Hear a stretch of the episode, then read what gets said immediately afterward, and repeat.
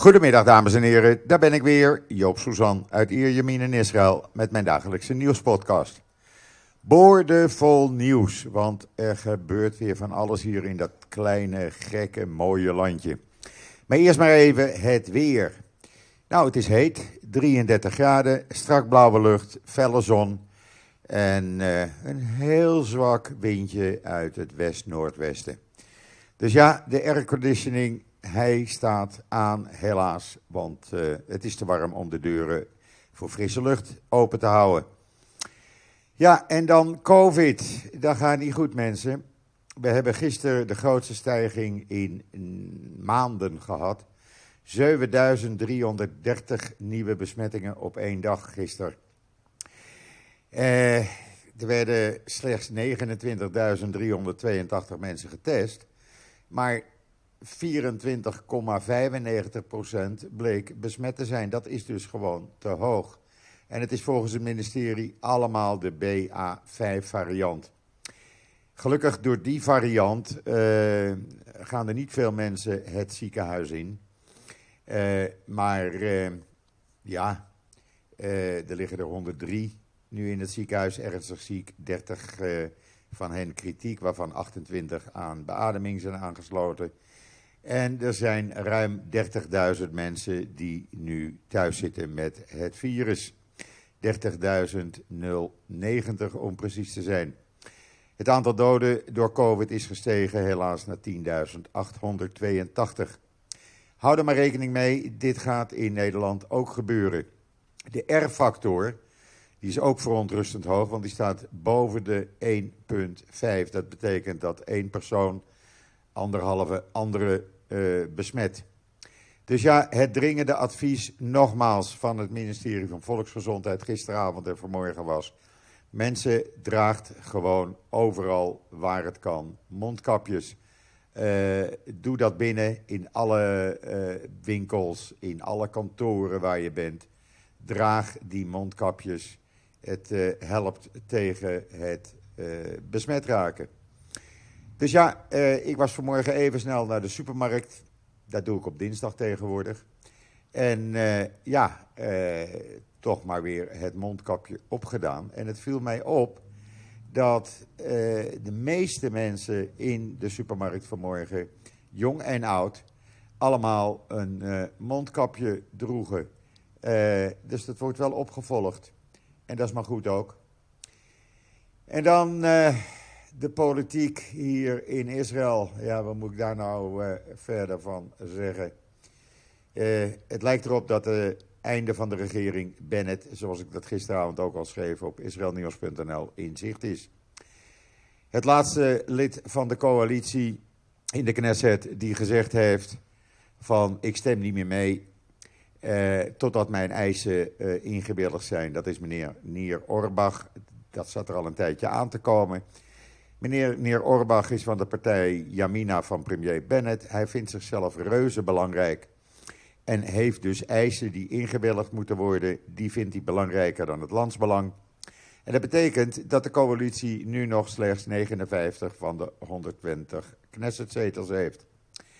En uh, ja, uh, zei uh, Bennett ook gisteravond, Maximaal twee weken, langer geef ik deze regering niet, als die mensen die zichzelf belangrijker vinden, niet uh, voor de coalitie gaan stemmen. Als dat, uh, die situatie zo blijft, dan moeten we er maar mee stoppen. Dan zit er geen andere mogelijkheid in. Want als een minderheidsregering kunnen we niet doorgaan. Jammer, uh, men heeft het geprobeerd. Maar ja, als je al die, uh, die mensen dan krijgt die, het allemaal, uh, die zichzelf allemaal belangrijker vinden.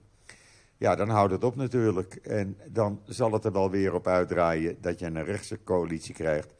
Waarschijnlijk onder leiding van Netanyahu. Die kan dan gelijk zorgen dat hij aan zijn strafproces een einde kan maken. Want dat wordt de situatie. Nieuwe rechters geen pleidooi-overeenkomst.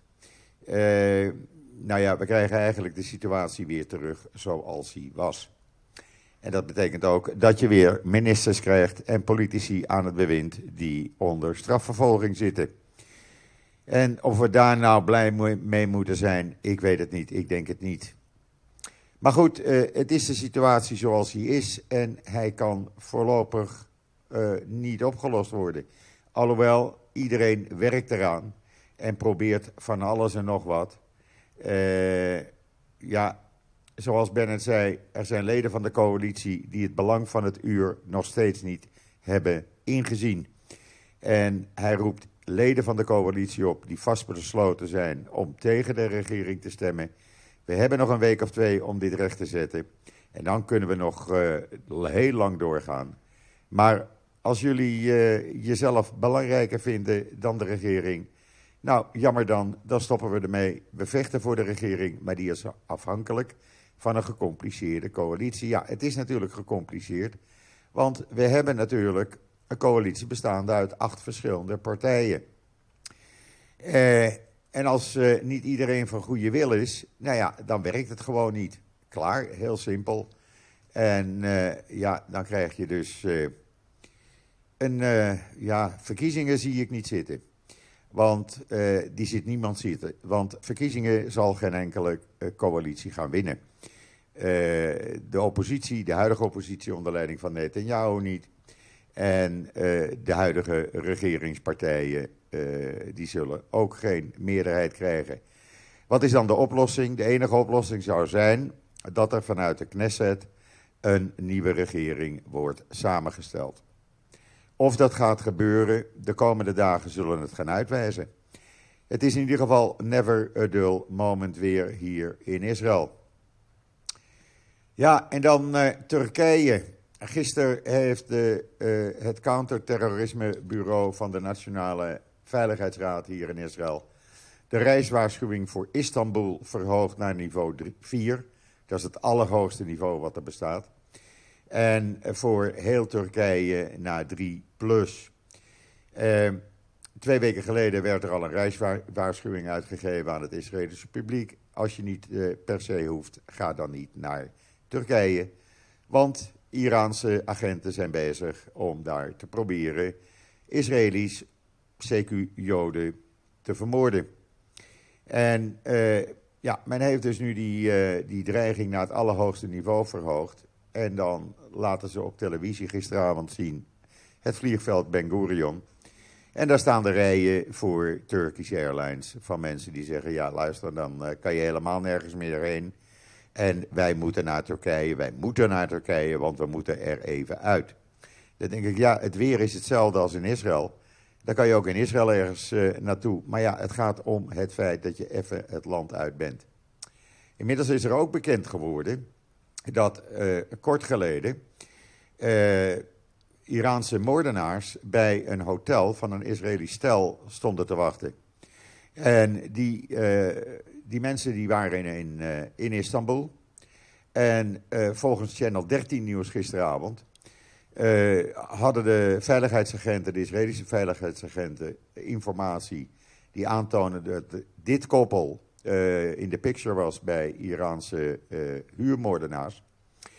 En volgens de nieuwszender kreeg de vrouw die toevallig op de markt liep een, een belletje van een hoge Israëlische veiligheidsfunctionaris die haar dringend adviseerde niet terug te gaan naar haar hotel. Want daar wachten de Iraanse moordenaars op jou en je echtgenoot. Toen kwam er een groep van tien Israëlische veiligheidsagenten. En die brachten hun van de markt in een gepantserd voertuig naar het, vliegtuig, naar het vliegveld.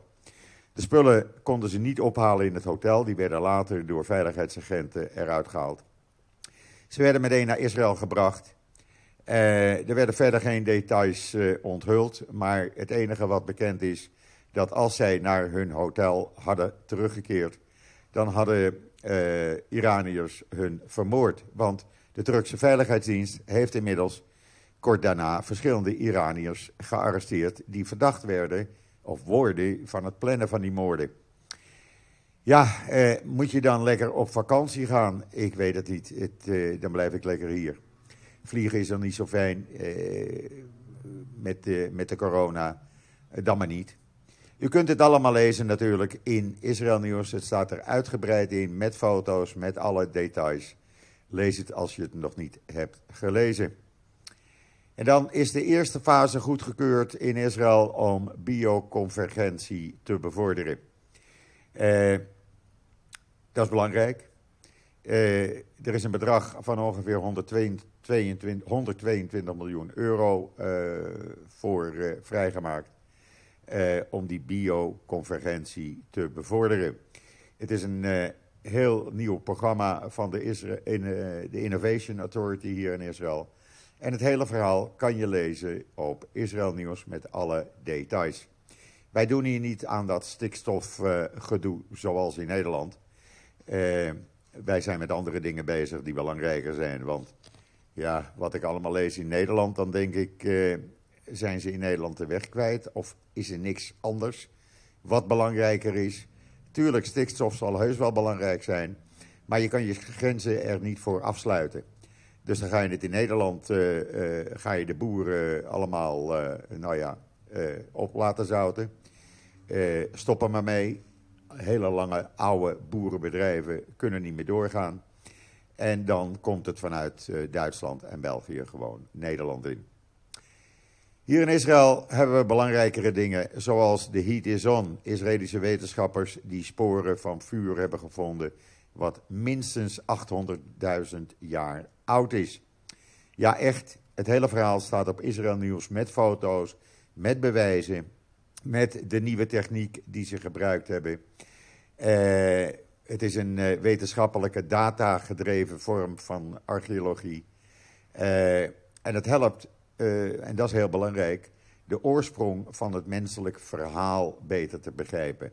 Onze meest elementaire tradities en onze experimentele en innovatieve aard beter te leren begrijpen. Het hele verhaal op israelnieuws.nl. Want dit is echt, mensen, het is fantastisch. Kijk, als je die foto's ziet van al die oude uh, vuurstenen werktuigen. Ik vind het fascinerend. Echt waar. Ik kan er geen genoeg van krijgen. En toch weer hier in dat kleine gekke landje. Afgelopen nacht, de IDF gaat gewoon door. Die hebben opnieuw 12 terreurverdachten gearresteerd. En een zootje wapens en munitie in beslag genomen. Ja, men blijft doorgaan. Men wil elk risico op terreuraanslagen verminderen. En het hele verhaal met foto's op israelnieuws.nl. Ja, en we hebben natuurlijk die uh, Eurosatory 2022 in Parijs. Dus elke dag onthullen Israëlische bedrijven wel een nieuw, uh, iets, uh, iets nieuws voor het leger. Zoals nu de Israel Aircraft Industrie, die heeft onthuld de Green Lotus multisensor systeem voor grondbewaking. Dat uh, werkt met radars, uh, dat is een heel ingewikkeld systeem, maar het werkt wel. En het heeft al uh, hier in Israël zijn, zijn diensten bewezen. Het hele verhaal met foto natuurlijk in Israël Nieuws, zou ik zeggen. En dan Save a Child's Heart. Ik heb er al vaker over gesproken, maar ik schrijf er toch weer over, want het biedt nog steeds levensreddende hartbehandelingen aan voor buitenlandse kinderen die hier naartoe worden gehaald. En uh, ja, uh, er zijn vier kinderen die nu de Internationale Kinderdag in Israël op een bijzonder spannende manier zullen gaan vieren. Want elk van die vier kinderen kwam uit een ander land als onderdeel van de activiteiten van Save a Child's Heart. En zullen hier levensreddende hartoperaties ondergaan. En hebben die al ondergaan. Uh, ja, dat zijn kinderen in de leeftijden van 10, tot, van 10 maanden tot 16 jaar. En kinderen die dit jaar hun uh, hart cadeau hebben gekregen, om het zo maar eens te zeggen, kwamen uit Kosovo, Ghana, Zanzibar en Ethiopië. Hoe mooi is dat? Lees het op israelnieuws.nl.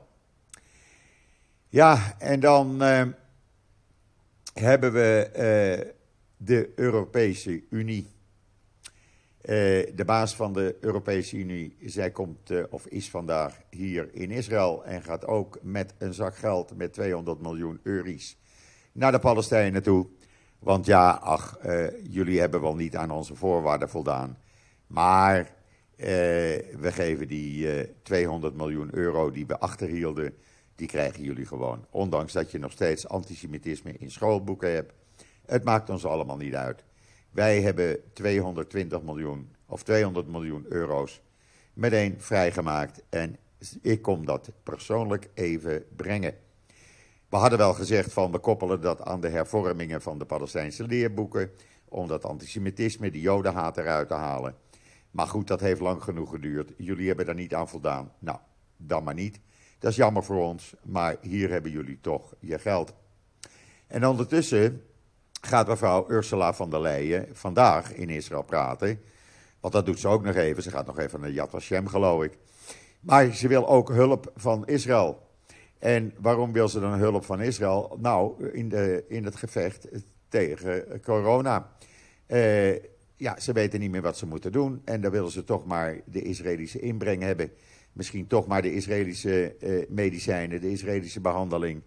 Uh, misschien kunnen jullie wat voor ons doen, Israël. Ja, wij geven natuurlijk wel die 200 miljoen euro's weer aan de Palestijnen. Maar goed, daar moet je niet zo wakker van liggen. Dat is toch niet zo erg. zolang die maar gelukkig zijn. Als jullie ons nou even uit de brand helpen uh, en ook even met het gas helpen. Misschien hebben jullie daar ook een oplossing voor. Want jullie hebben natuurlijk ook veel gas. En dat willen wij ook wel hebben. En dan moet je niet afhankelijk gaan maken van onze hulp aan Palestijnse terreur. Daar moet je maar even doorheen kijken. Help ons nou even, letterlijk en figuurlijk, uit de brand. We hebben dat gas van jullie nodig. Dus kom maar op en maak niet zo'n probleem over die Palestijnen. Dat is eigenlijk de boodschap van mevrouw Ursula van de heide. Ja, eens kijken hoe dat gaat aflopen. We zullen het voor u bijhouden. In Israël heeft uh, vanmorgen meneer, ene meneer Assad in Syrië gewaarschuwd dat zijn paleizen zullen worden gebombardeerd als hij Iran zijn gang laat gaan in uh, uh, Syrië. het heeft nu lang genoeg geduurd. Uh, Israël had natuurlijk een paar dagen geleden uh, het uh, vliegveld van Damascus behoorlijk beschadigd. En dat was ook alleen maar te doen om die leveringen uit Irak of Iran tegen te houden. Maar ze hebben nu een echt een dreigement gestuurd, het Israëlische leger. Ga jij door en laat je Iran zijn gang gaan, dan weten wij jouw paleizen te vinden en die zullen dan een grote, grondige verbouwing ondergaan. Ja, en dan kan je zeggen, de verkiezingen komen er mogelijk aan. Maar de minister van uh, Religieuze Zaken, ook lid van de partij Yamina van meneer Bennett. En toevallig ken ik hem, want ik heb hem een aantal keren ontmoet. Meneer Kahane, die sprak gisteravond voor uh, studenten. En daar zei hij opeens, als er een knop was die je kon indrukken, waardoor alle Arabieren zouden verdwijnen en die, dat je hen op een sneltrein naar Zwitserland zou sturen. Eh, waar ze dan een geweldig leven zouden kunnen leiden. Nou, dan zou ik die knop meteen en heel graag indrukken. Helaas zegt hij, zo'n knop uh, bestaat niet. En blijkbaar zijn we voortbestemd om hier samen met de Palestijnen in dit land... in een of andere vorm samen te leven en samen te bestaan. Ja, of dat nou zo verstandig is... Uh, het ging uh, eigenlijk over uh, plaatsen in ja, de Westbank, Judea, Samaria.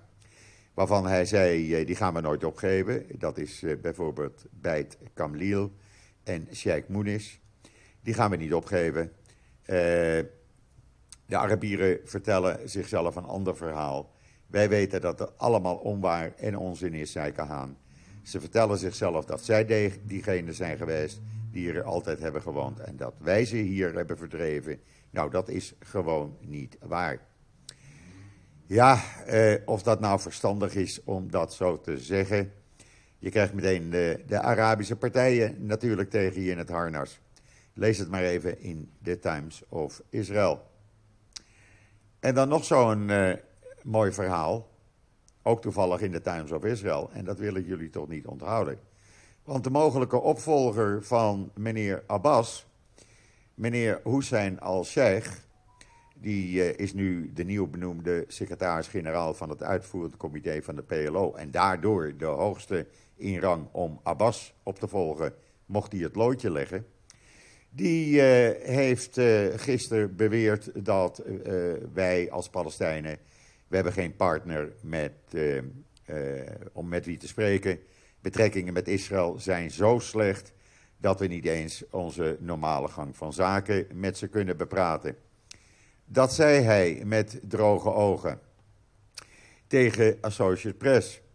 Maar meneer Al-Sheikh, eh, ja, die dus Abbas moet gaan opvolgen, eh, die eh, voegde daar nog aan toe. Eh, het Palestijnse leiderschap staat op het punt om belangrijke en moeilijke beslissingen te nemen.